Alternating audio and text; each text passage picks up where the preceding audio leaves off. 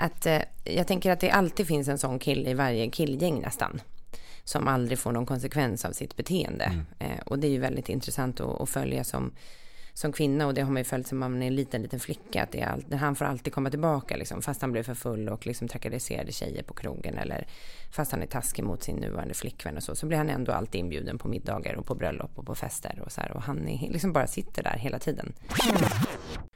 Hej och välkomna till ännu ett rackarns avsnitt av podden Machokulturen med mig Attila Joldash Idag kommer ni få träffa Olga Persson som är förbundsordförande för Unison Organisationen som samverkar och samlar många, över 140 stycken kvinnojourer, tjejjourer, jourer och andra verksamheter som jobbar för ett jämställt samhälle, fritt från våld hon jobbar väldigt mycket med frågan om just mäns våld mot kvinnor, ett av de mest utbredda samhällsproblemen som vi har, trots att vi är ett av de mest jämställda länderna, brukar man ju höra. Så hur kommer det sig? Det ska bli jäkligt intressant att snacka på djupet med Olga hur verksamheten ser ut, hur hon ställer sig till de här sakerna, vad som fick henne att engagera sig i sådana här frågor och hur kan vi nå killarna och männen? Hoppas ni kommer tycka det är intressant. Nu kommer avsnittet här.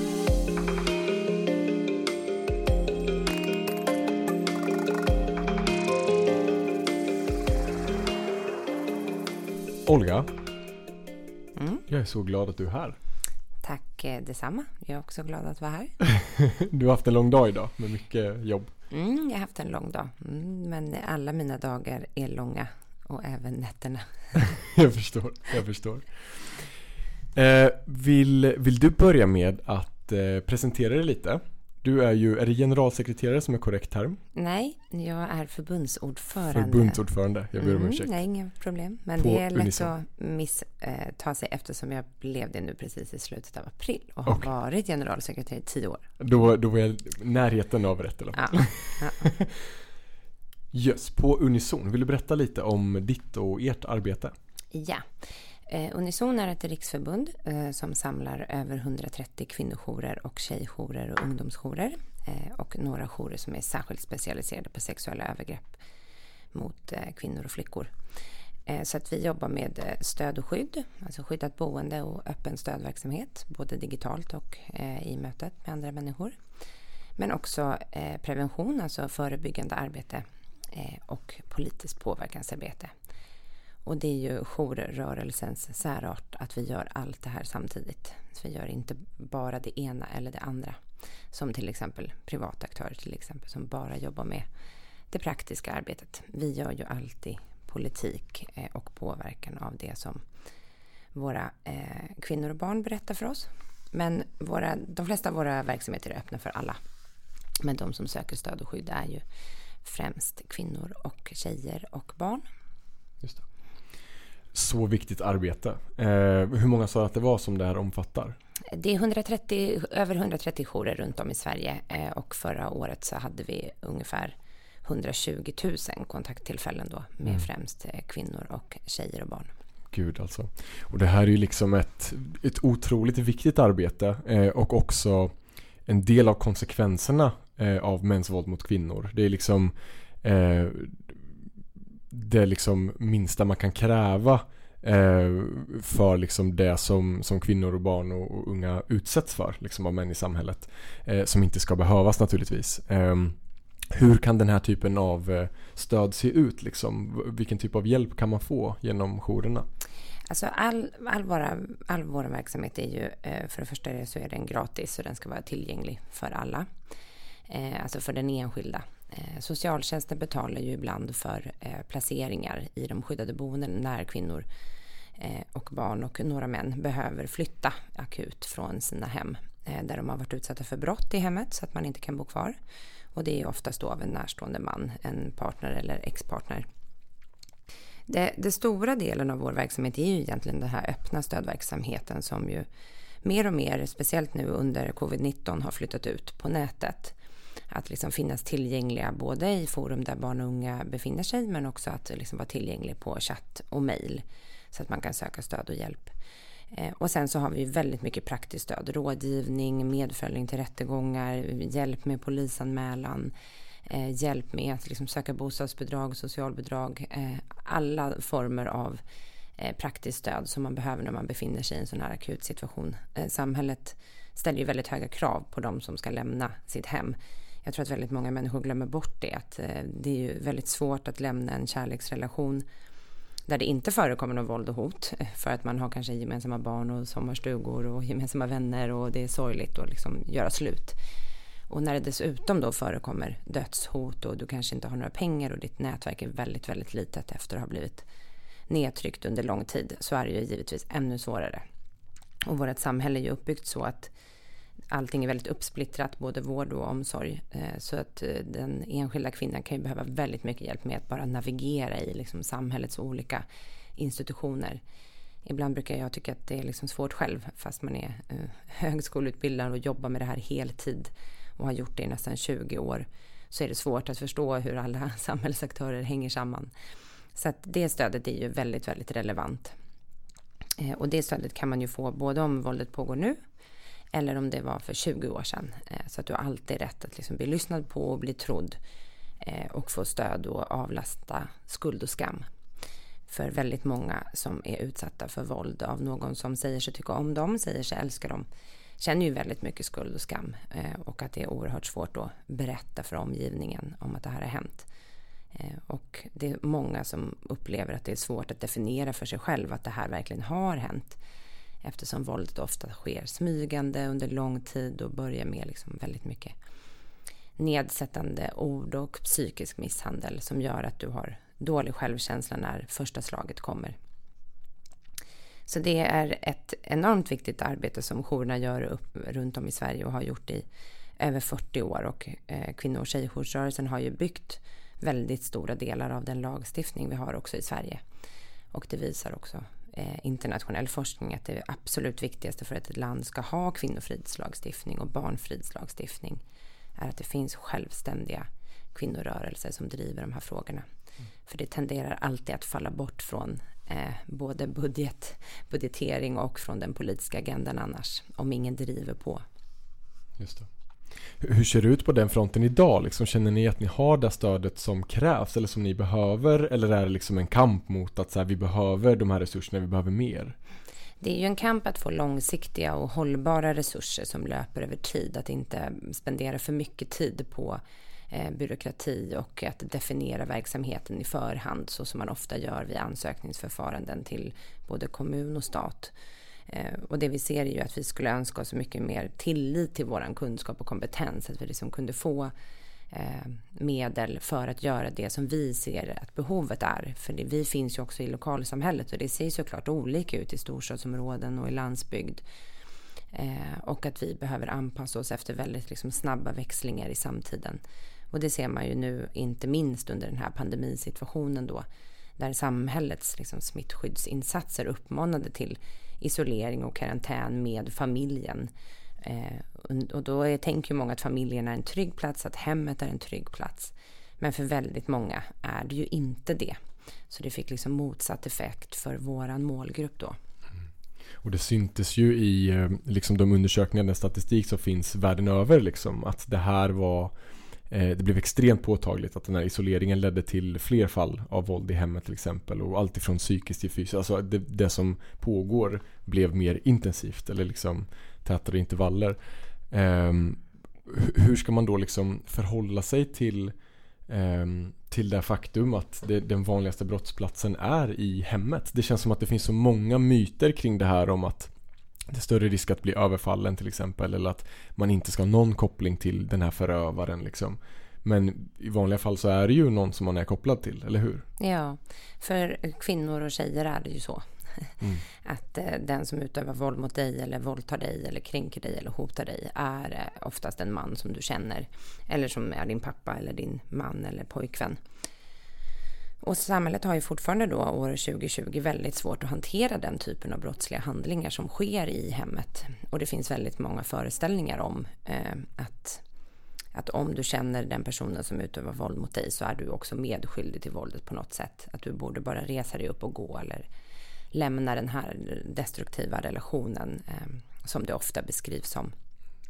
Jag brukar försöka vända på det och säga att det har ju också ett väldigt mycket att göra med manssynen i samhället att vi, hur kan vi, varför frågar vi inte honom varför han inte lämnar? Om du lever med en person som du vill liksom kalla eh, hora och fitta och dålig och liksom dålig mamma och att hon är värdelös och hon kan inte göra någonting rätt. Varför vill han vara tillsammans med någon som han tycker så fruktansvärt illa om? Men ändå frågar vi ju kvinnor hela tiden. Varför stannar du i det här och så? Eh, och, så det säger ju väldigt mycket om samhällets syn just på kvinnor och män, men också på kärlek och eh, vad det ska vara och vad det inte ska vara. Och vad man får lära sig när man är liten. Att den här liksom gamla, eh, nästan som uttjatade liksom liknelsen att liksom han jagar dig eller han drar dig i håret eller slår dig för att han tycker om dig. Det får ju fortfarande flickor och, och tjejer höra. Och även då liksom vi vi vuxna eh, förhåller oss ju till det. Att män ska liksom vara svartsjuka för att de verkligen ska vara förälskade till exempel. Och utöva makt och kontroll kan liksom misstas för att vara kärlek i väldigt stor utsträckning. Och framförallt då i populärkultur och filmer och eh, alla serier man tittar på. Eh, så finns det nästan alltid en sån relation med i filmen. Så det är ett väldigt vanligt förekommande inslag både i vår kultur men också någonting som är i vår uppfostran och, eh, och även i vår lagstiftning då till viss del. Mm. Jag tänker att det också liksom just det här med att säga men du borde bara lämna honom liksom hela den attityden. Det är så himla bisarrt tycker jag i alla fall att man inte kan se till att de fallen som har blivit att mannen i fråga då, tidigare partner eller nuvarande partner, har mördat sin kvinnliga partner har ju, det är ju inte ovanligt att det sker i samband med att hon försöker lämna honom. Nej. Och att man då är helt oförstående till att så här, men det finns hot, det finns risker, det finns liksom ett uttalad rädsla för, för ens liv liksom i sådana situationer och att det inte är så pass svart och vitt som så här, men det här är bara ett vardagsproblem, du kan gå ifrån det liksom. Eh, en sån oförståelse. Men det är precis det du går in på nu också som jag tänker att vi ska fokusera ännu mer på det här samtalet. Just eh, kvinnosynen, vart börjar den liksom och hur utvecklas den och hur kopplas allt det här samman? Jag märker ju själv liksom ett ganska tydligt motstånd när jag pratar med, med unga killar eller män om den här typen av saker. Att vi behöver ta ansvar för mäns våld till exempel i samhället. Eh, så motsätter ju sig många med den här defensiva eh, ja, men jag har ju inte gjort något sånt där. Lite så här, så det är inte mitt problem attityd. Eh, jag har ju inte kallat någon för hora eller eh, varit kontrollerande eller slagit någon så det är ju inte mitt problem. Eh, och att man då liksom slår ifrån. Jag, tänker du att det beror på ehm, att man kanske borde lära sig mer om hur de här normerna samspelar kring maskulinitet. Eh, just kopplat till de här extremare formerna av kvinnosyn, negativ kvinnosyn. Jag tänker att det är otroligt viktigt att ehm, att jämställdhetspolitiken i Sverige får ha den genomslagskraften som den ska ha. Att den verkligen ska handla om att förebygga eh, den här eh, fruktansvärda sidan av att vara kille och man i samhället och att det måste börja i jättetidig ålder. Eh, ofta kommer ju sådana här program eller liksom projekt in på högstadiet eller till och med gymnasiet. Och där tänker jag att det är alldeles för sent. Att då har vi redan formats, både killar och tjejer, mm Eh, har ju formats utifrån en, ett väldigt, väldigt sexistiskt och kvinnohatande samhälle. Och jag tror att vi alla måste anstränga oss för att vara så konkreta som möjligt, eh, liksom ha liknelser och situationer som är relevanta för liksom den värld som unga lever i idag. Och den världen är inte samma som, som jag växte upp i. Alltså hela internetrevolutionen och hela den digitala världen har ju gjort att barn som är så små som två, tre, fyra, fem, sex år möts av ett extremt kvinnohat liksom, på sociala medier och i pornografi och i eh, bilder som inte alls är lämpade för dem. Och vuxna vet kanske inte ens om att de har sett det här. Så att eh, liksom vi har, hela samhället har förändrats så enormt mycket och vi lever i ett eh, socialt experiment verkligen. Där vi ser liksom en väldigt dubbel utveckling. Vi ser en större medvetenhet om att könsroller är föränderliga över tid och att vi inte behöver vara liksom bundna till dem. Och samtidigt så ser vi då ett massivt liksom eh, kapitalistiskt system som pressar oss in i de här könsrollerna och som ju givetvis jättemånga människor tjänar pengar på. Det är därför de fortsätter att existera, inte bara för att liksom enskilda män väljer att utöva våld utan det finns ju en massmiljardindustri, eh, både i skönhetsindustrin, i, i porrindustrin, i reklamindustrin som tjänar på att vi är missnöjda med oss själva och som tjänar på kvinnohat helt enkelt. Och det är ju en, en jättestor utmaning både för politiker men också för föräldrar och för vänner. Och den här våldstriangeln som jag tror att du är liksom inne på, att väldigt många känner ju inte igen sig i den. Det märker jag ju också efter att ha jobbat jättemycket med förebyggande arbete mot män och killars våld. Att många blir oerhört provocerade av den och förstår inte riktigt att liksom, vad har det här i botten av pyramiden att jag kanske skämtar liksom eh, rasistiskt eller eh, sexistiskt. Vad har det att göra med att människor blir mördade? Och det är ju en utmaning att förklara det på ett pedagogiskt sätt. Att det betyder inte att alla som skämtar på det sättet kommer att mörda någon eller att våldta någon.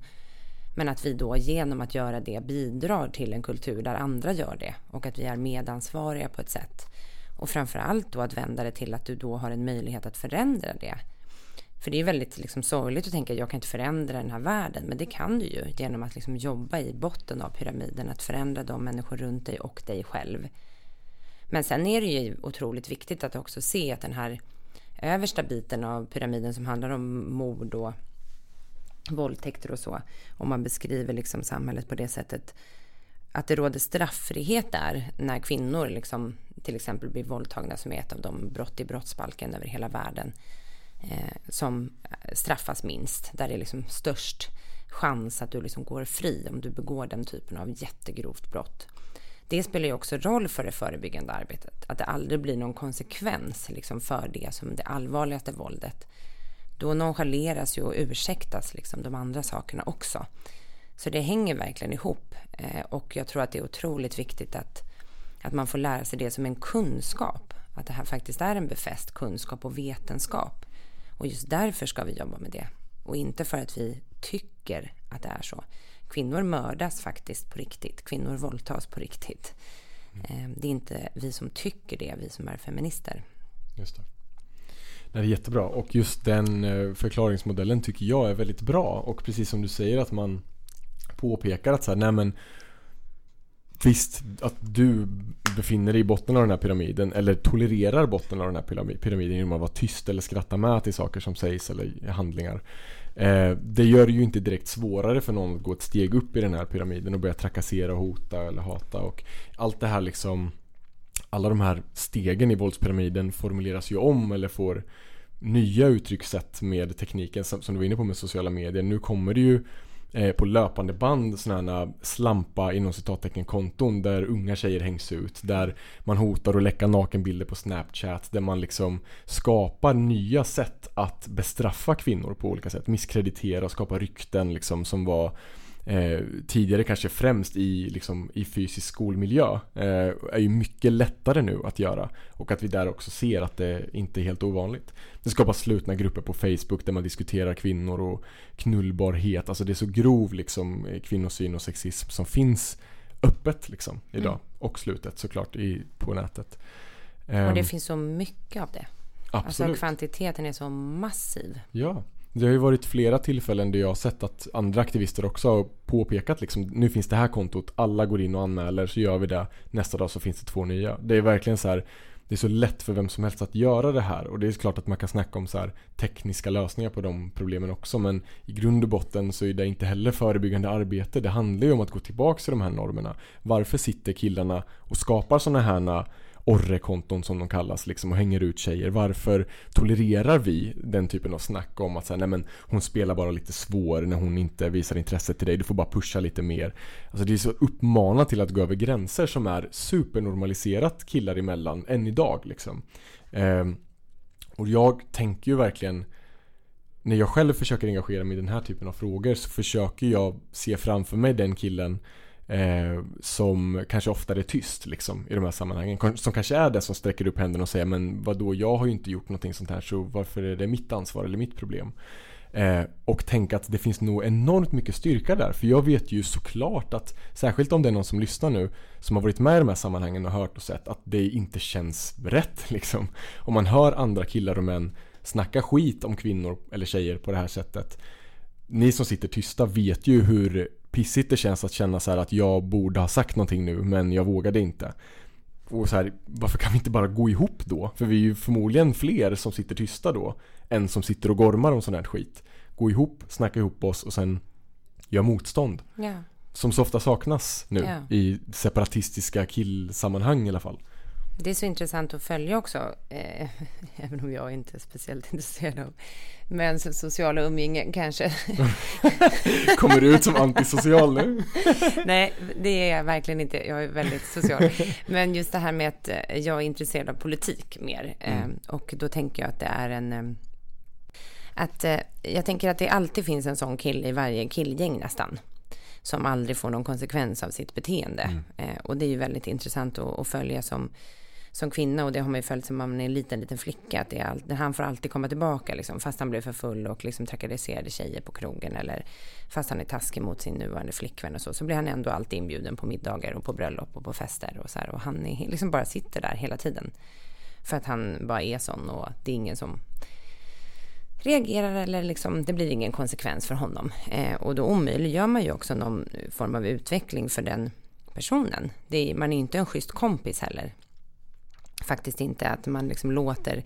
Jag tror att eh, om man ska generalisera lite utan att leka hobbypsykolog så tror jag att liksom män är mycket, mycket mer benägna att låta eh, liksom, saker vara. Medan vi, liksom, många kvinnor och tjejer jobbar ju väldigt mycket med att så här, utveckla som personer och utveckla våra relationer och prata ut om dem och så. Och det gör ju vi för att vi har, måste göra det för att överleva, för att vi lever i ett patriarkat, i ett kvinnohatande samhälle. Och därför har vi såklart funnit trygghet och styrka i varandra i liksom årtusenden och århundraden på olika sätt. Och nu finns det en politisk rörelse som, som driver det. Och det är ju helt fantastiskt. Och det kan man ju känna att om jag var kille eller man så skulle jag ju vara oerhört avundsjuk på det. Eh, och vilja skapa det för mig själv och för mina söner och för mina bröder och för mina pappor. Men framförallt då också för att det är en rättvisefråga helt enkelt. Att inte kvinnor ska behöva axla det känslomässiga ansvaret för killar heller då, som det ofta blir i kärleksrelationer eller i vänskapsrelationer, att killar pratar med tjejer men de pratar inte med varann. Och det enda sättet som feminist blir ju då lite grann både i individuella relationer och i politiska relationer att eh, faktiskt säga nej till det. Att välja. Liksom, man har 24 timmar på dygnet och man har en viss tid och energi. Liksom. Och den så, jag har ju valt att jag helst vill lägga den på kvinnor och flickor.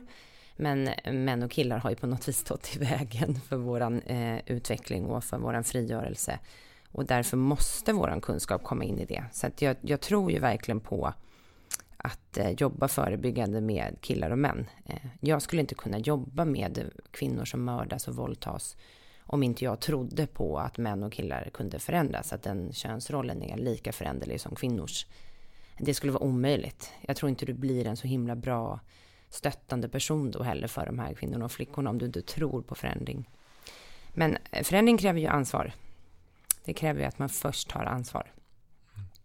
Annars finns det ingen förändring. Man kan liksom inte runda det, runda det steget. Mm, mm. Upplever du att det liksom, när man pratar om just det, det som du och ni arbetar med, med de här yttersta konsekvenserna mot tjejer och kvinnor, eh, tror att det är svårt för män att förstå liksom, omfattningen av hur det här drabbar andra människor? Eller handlar det om ett, en, liksom, återigen ett brist på ansvarskänsla? Liksom? Eller vad, vad tänker du är liksom stoppklossen för män att engagera sig? Och jag har funderat så otroligt mycket på det. Jag skäms nästan för att säga hur mycket jag funderar på det. Men eh, vad är stoppklossen? Varför förstår de ingenting? Eh, det, jag tror att det är flera olika aspekter, men framför allt så tror jag faktiskt på att eh, män helt enkelt inte tar in det här för att det är för läskigt och för svårt. Och det är jobbigt att jobba med våld. Jag tycker också att det är jättejobbigt, speciellt sexuellt våld och pornografi och prostitution. Att se hur många människor som, eh, hur många killar som, och män som tittar på det här och som eh, ser det här våldet mot kvinnor och flickor på bilder, på riktiga kvinnor och flickor som utsätts, både i realtid och inspelat.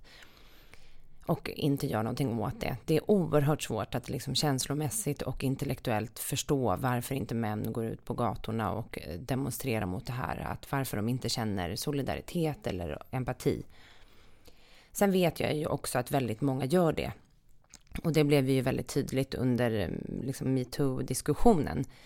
Att du satt på varenda middag, varenda fest och alla ville prata om det här. Det som har varit ditt yrke och din liksom, mission under hela ditt liv blev ju allmängods på något sätt och stod i alla tidningar och var på diskussion vid varje fikabord och varje fest och så.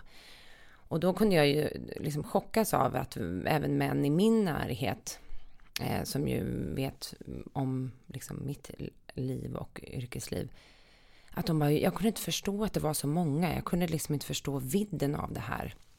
Och då har vi stått där med liksom våra grafer, vår vetenskap, våra politiska dokument från FN och neråt och vi har liksom stångat oss blodiga med enskilda berättelser och så. Men det kanske ibland också är tajmingen. Eh, om tiden är mogen för olika saker. Och det vet man ju aldrig riktigt varför saker får genomslagskraft och så. Men nu är det ju upp till liksom alla män att visa att det här är väldigt, väldigt viktigt för dem. Eh, också ur, ur ett egenintresse. Och det är väl där feminister också blir väldigt osams, tänker jag. Det får ju Unison mycket skit för, vår värdegrund, där vi liksom inkluderar män och killar. Och det är ju ett uttalat mål för oss att engagera män och killar på olika sätt. Att det finns inget förbud mot att vara med. Det är inget måste, men det finns inget förbud. Eh, och eh, det kan ju vissa tycka är liksom mm, för pragmatiskt eller för liksom lättviktigt och så. Men eh, för oss är det helt självklart. Hur skulle vi annars göra? Jag menar, det är ju alldeles självklart att vår kunskap och våra erfarenheter måste finnas med när män ska organisera sig för, för våra frågor. Och det är, är jätte, jätteviktigt. Så det är ett hinder tror jag, att det är för svårt, men samtidigt att det är, är läskigt. Eh, sen så tror jag att konsekvenserna för män inte har blivit tillräckligt stora för att inte göra någonting. Sen tror jag också att det måste finnas ett visst mått av humor. Det måste finnas ett visst mått av öppenhet. Eh, att få ställa dumma frågor, att få diskutera saker som du faktiskt inte förstår. Om du blir väldigt liksom hånad och utskrattad direkt när du ställer frågor, då vill ju ingen människa vara med. Det, det tror jag är väldigt allmänmänskligt. Att det måste finnas forum där man får liksom visa sig sårbar och ställa frågor. Sen får inte det ske på bekostnad av att ta ansvar. Eh, och det får absolut inte ske på bekostnad av att samhället ska hålla män ansvariga. Mm. Som vi ser ibland. Så det är den här dubbelheten i ansvaret också, både ta ansvar men också hållas ansvarig. Mm. Och sen så tror jag också att det helt enkelt kommer en tid där fler och fler kommer att engagera sig av olika anledningar. Och jag tror att vi, vi kvinnor som jobbar med kvinnorättsfrågor måste ju också förhålla oss till det faktum att män och killar kommer göra på olika sätt. De kommer ju inte alltid göra exakt på det sättet som jag vill. Och det är en utmaning för många människor, verkar det som idag. I dagens narcissistiska eh, samtid. Att eh, du kan faktiskt inte bestämma över andra människor. Du kan inspirera och du kan liksom vägleda och du kan ställa krav. Men du kan ju aldrig bestämma hur andra människor ska organisera sig. Det är omöjligt. Nej, för det tänker jag också eh, precis i linje med det, det du tänker liksom att Dels så tror jag att, att män vill känna sig delaktiga i en förändring till det bättre och bidra till jämställdhet och bidra till mer trygghet i samhället. Men det väger ju också mot att det, det behövs fler, det, det, måste liksom, vi måste bli fler som engagerar oss på, på något sätt i alla fall. Oavsett om det handlar om att ta snacket liksom i sin vardag eller börja liksom ideellt arbeta med en organisation eller vad det nu än kan vara, alltså precis vad som helst. Men att börja stoppa strukturerna och börja ifrågasätta de här normerna eh, i vår egen omgivning liksom. Och själv också rannsaka och ta ansvar liksom och fortsätta låta det vara ett pågående arbete. Men det svåra är just att nå fram till så många som möjligt när det är så få som försöker göra det liksom från manshållet eller vad man ska kalla det. Eh, det är så trist tycker jag att känna liksom att det är eh, som en uppförsbacke. Att så här, ja men vi håller med varandra om att du tycker att våld, sexuellt våld och trakasserier och allt det här är skevt, det är fel. Vi har olika analys på vad det beror på men joina då och gör någonting mot det liksom. Alltså kan vi inte hitta något sätt att förvalta din ilska eller frustration då, då som du menar att du har. Och sen göra någonting i praktiken. Det, det, är så svårt just, alltså har du några knep för att just nå fram, till exempel i ert arbete för att nå fram till män, att engagera dem? Jag tror att man måste bestämma sig. Eh, vill man nå fram till många eh, och inte vara helt överens? Eller att flytta liksom en liten bit. Det som man kallar för liksom universalprevention eller så. Eller vill man eh, nå fram till de som absolut liksom kan göra jättestor skillnad på till exempel politisk nivå. För att när man hela tiden försöker göra allt, eh, som väldigt många mansorganisationer eh, eh, försöker göra över hela världen, att vara inkluderande till exempel med alla diskrimineringsgrunder eller med eh, alla förtryck, då kommer man ganska fort tappa kön. För det är oftast det eh, förtrycket som försvinner fortast för att det är svårast. Eh, och eh, jag tror man måste bestämma sig vad man vill göra. Sen måste man börja med att definiera om man tycker att kvinnor och flickor kan köpas och säljas som slavar i sexuell exploateringsindustri. Eh, för där finns det väldigt många kvinnor som tycker olika också. Och då måste man välja som man, vad är viktigt för mig? Hur gör, tycker jag. Hur, hur gör man det liksom? det är ganska lätt, det är den lätta delen. Eh, det är bara att bestämma sig.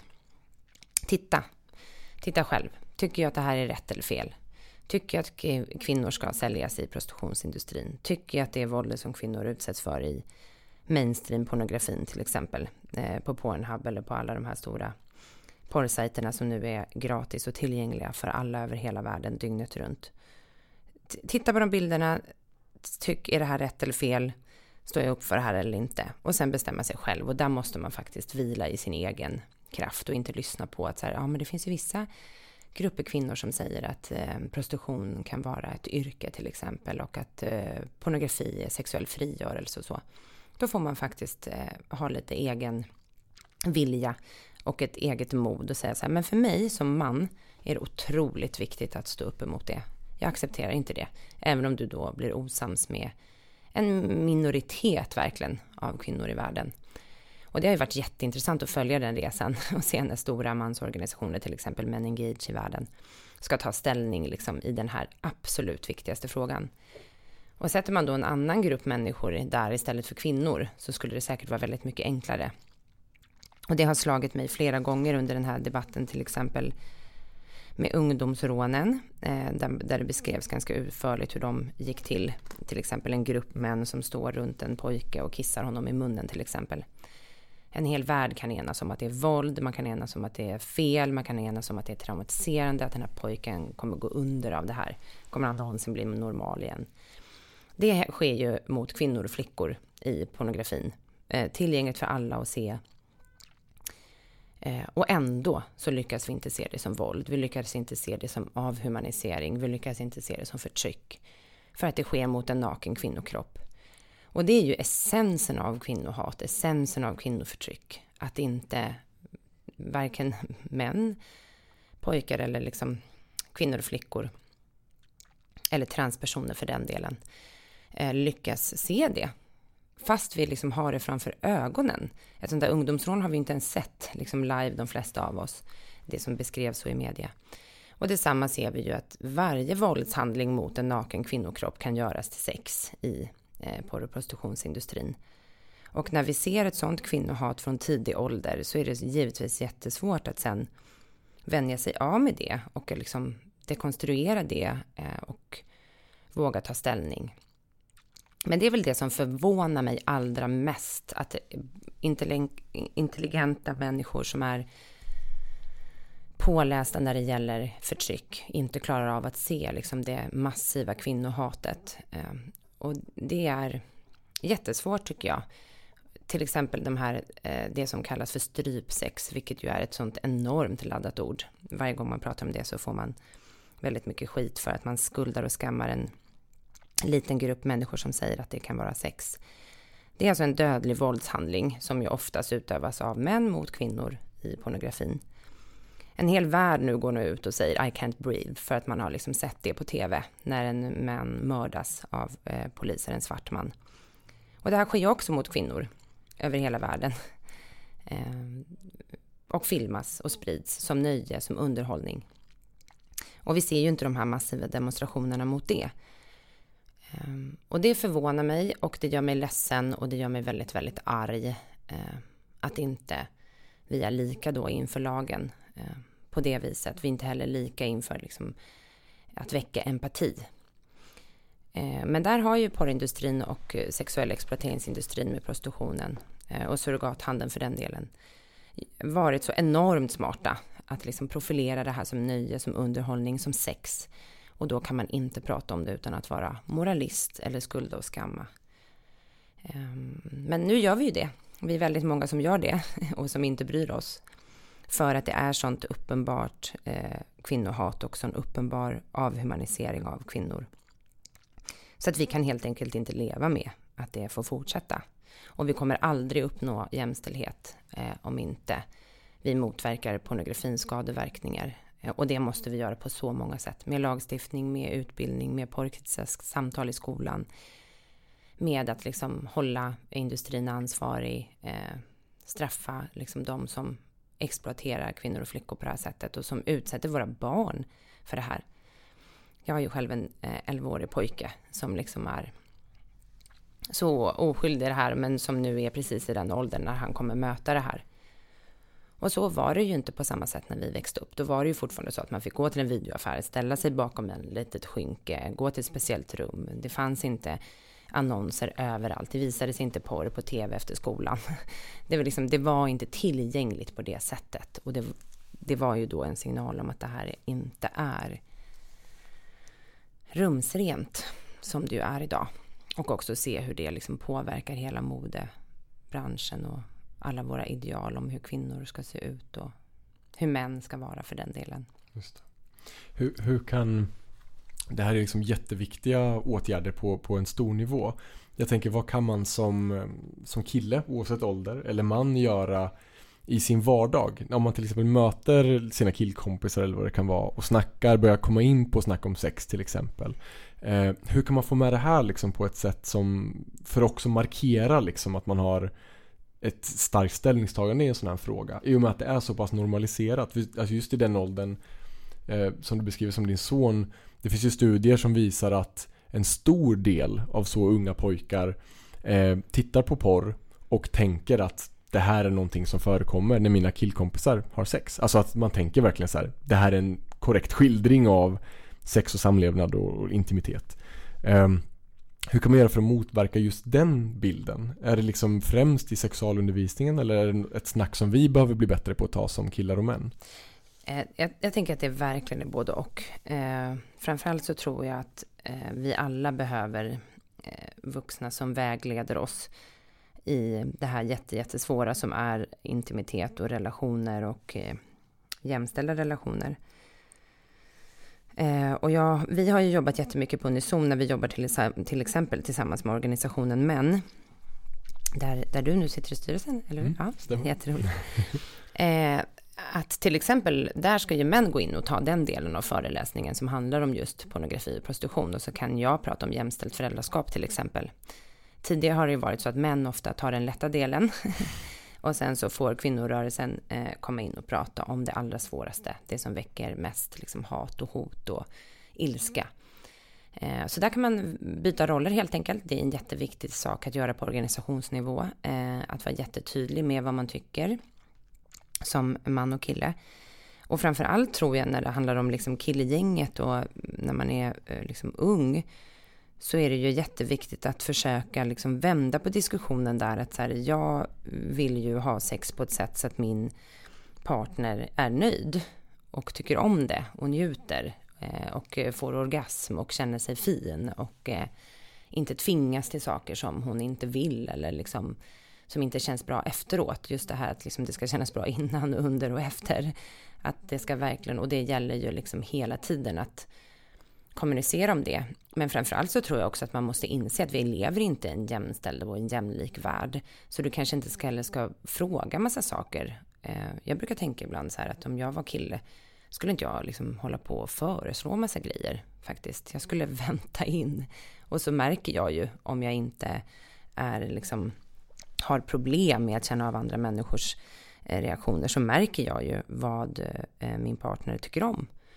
Jag tror att det är svårt att i den här patriarkala världen att vara den som föreslår saker hela tiden eh, som man utan att göra det på fel sätt faktiskt. Så jag tror man ska liksom kanske vänta in och sen så känna efter mycket. Och i det här allmänna snacket så ser ju vi på barn och unga idag att de kan liksom nämna åtta porrsajter innan de vet vad män ser till exempel. Och det är ju ett fruktansvärt nederlag mm. både för skola, för föräldrar och så. Men där har ju pappor ett jätteviktigt ansvar alltså. Jag har sagt till min barns pappa och hans bonuspappa. Att det här snacket får ni ta. Liksom. Även om jag är så att säga expert då på porrindustrins skadeverkningar och eh, hotet och liksom hatet mot kvinnor i porren så är det faktiskt ert ansvar att prata med eh, våran son om det här. För att det kommer, han vet vad jag tycker. Han, det är liksom öppet i vår familj att det är viktigt att, att vara en bra mm, liksom, kompis, att vara en bra pojke och så. Men sen är det jätteviktigt att han får eh, manliga, eh, även hur larvigt den kan låta då, men manliga förebilder i att faktiskt jag tänder inte på förnedring av flickor och kvinnor. Det kan ju vara så lätt att säga det. Och jag hoppas att du inte kommer göra det heller. Eh, men om du liksom försöker lära dig att göra det så kommer du till slut göra det. För så är det för de flesta. Det är därför vi har en mångmiljard reklamindustri. Vi påverkas av bilder omkring oss. Liksom. Men håll dig borta, säg nej till porr är ju jätteenkelt. Det är konsumentmakt. Inte titta på det och bestämma dig tidigt liksom för det. För att du inte vill skadas av det här. För det är ju bilder som heller aldrig går bort ur din hjärna. Det går liksom aldrig bort ur din hjärnbark. Och du möts ju av de här sexualiserade bilderna av kvinnor och, eh, och av dig själv varje dag i alla fall. Eh, så att om du kan hålla dig borta från din liksom, sexuella utveckling så är det ju otroligt mycket roligare att utforska det tillsammans med riktiga människor. Och att våga ta det här liksom, samtalet. Jag tror att det är lätt idag. Så här, jag har sett det här på tv, jag har lyssnat på den här podden. Att liksom ta upp de där samtalen. Jag har funderat på det här med liksom vad ni ser på internet till exempel. Och jag går in och tittar själv. Det låter ju jättehemskt att uppmana folk att ge dem liksom fler klick av deras miljarder klick som de redan har på porrsajterna. Men ändå, det är jätteviktigt att se att det är inte liksom porrtidningarna som låg i skogen för 20 år sedan. Utan det är väldigt, väldigt mycket annorlunda idag. Mm. Och framför allt så är ju också pornografin så extremt rasistisk. Vi skulle inte tillåta någon annan industri att vara så explicit rasistisk utan att det skulle ske eh, enorma liksom, eh, konsumentmaktsreaktioner på det. Man skulle få stänga företag och man skulle liksom bli uthängd i media och så. Eh, men av någon helt outgrundlig anledning så är det ingen som granskar den här industrin. Det är fascinerande. Det sker i skymundan liksom på något sätt. Ja, mm. det, vi, vi, tittar, män tittar själva. De pratar inte med någon om att de gör det. De skäms. Um, de tycker att det, det har fått en coolhetsstämpel. Um, och det ser vi ju också på modet liksom. Um, vad som blir snyggt är ju också väldigt dikterat av liksom porrindustrin. Om man vill eh, eh, ta till sig av det rådet som du gav till exempel till pappor. Eh, mm. Att dels förkovra sig i den information som finns om mm. skadeverkningar kring porren. Eh, vart kan man läsa där? Ni har det på er sajt också va? På unison.se finns det ju massor eh, av information om porren. Sen så finns det ju flera andra organisationer i Sverige som jobbar mot det. Ehm, eh, porrfri barndom, Changing Attitudes, Maria Duvas föreläsningar om barn och nätet.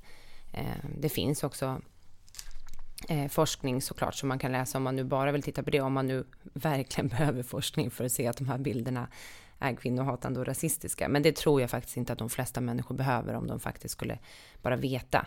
Och sen är det ju ett jättestort glapp. Killar och män vet hur de här bilderna ser ut. Jättemånga kvinnor från min ålder uppåt, jag är 43 år, jättemånga av dem som är äldre än jag vet inte ens att de här bilderna existerar. Och därför har män och killar ett extra ansvar även där. Jättebra. Vi behöver runda av, mm. för studion är inte bokad längre. eh, vi, eh, jag brukar avsluta de här samtalen med en fråga. Eh, det handlar mest om att motverka den här bilden av att, eh, att du, jag, alla som engagerar sig i den här rörelsen för att förändra maskulinitet på olika sätt eh, så fördomar om att så här, ni hatar all maskulinitet och all maskulinitet är mm. fel. Så jag tänker så här, eh, du ska få säga en mansnorm som du antingen tycker är bra eller som kan göras till någonting bättre. Liksom.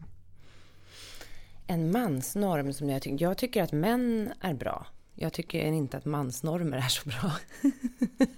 Det var en, det var en intressant sidestep där, det har inte hänt tidigare. Det var jättebra. Finns det någonting man kan förvalta i? Nu är jag borta igen, jag vet inte om det behövs ändå. Men...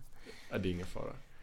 Um, finns det någon norm som vi kan förvalta? Alltså som språngbräda och så här, okej. Okay, män ska vara starka men vi kan faktiskt använda styrka till att göra det här till exempel. Eller någonting i den stilen. Du, du måste inte nu. Jo, jo, alltså jag tänker att jag tänker att traditionellt brukar man väl se att eh, lojalitet är en manlig dygd. Så. Att vara lojal, liksom, eh, både med familj och med liksom, sina värderingar. Eh, och det tycker jag är en fin norm som jag tycker att mänskligheten behöver. Jättebra. Tack så mycket för att du har varit här idag. Man får gärna följa dig, Unisons arbete. Ja. Eh, och vi fortsätter höra så hoppas jag. Ja, det gör jag. Tack så jättemycket. tack, tack. Tack för att du lyssnade på det här avsnittet av podden Machokulturen. Du får jättegärna lyssna på tidigare avsnitt, det är ingen liksom kronologisk ordning eller sådär. Du får också jättegärna följa mig på Instagram, Attila Joldas heter jag där. Där jag nördar loss med den här, just den här typen av ämnen och försöker lyfta olika personer med olika perspektiv. Om inte annat så ses vi om ungefär en vecka igen. Till, eh, tills dess får ni ha det bra. Puss!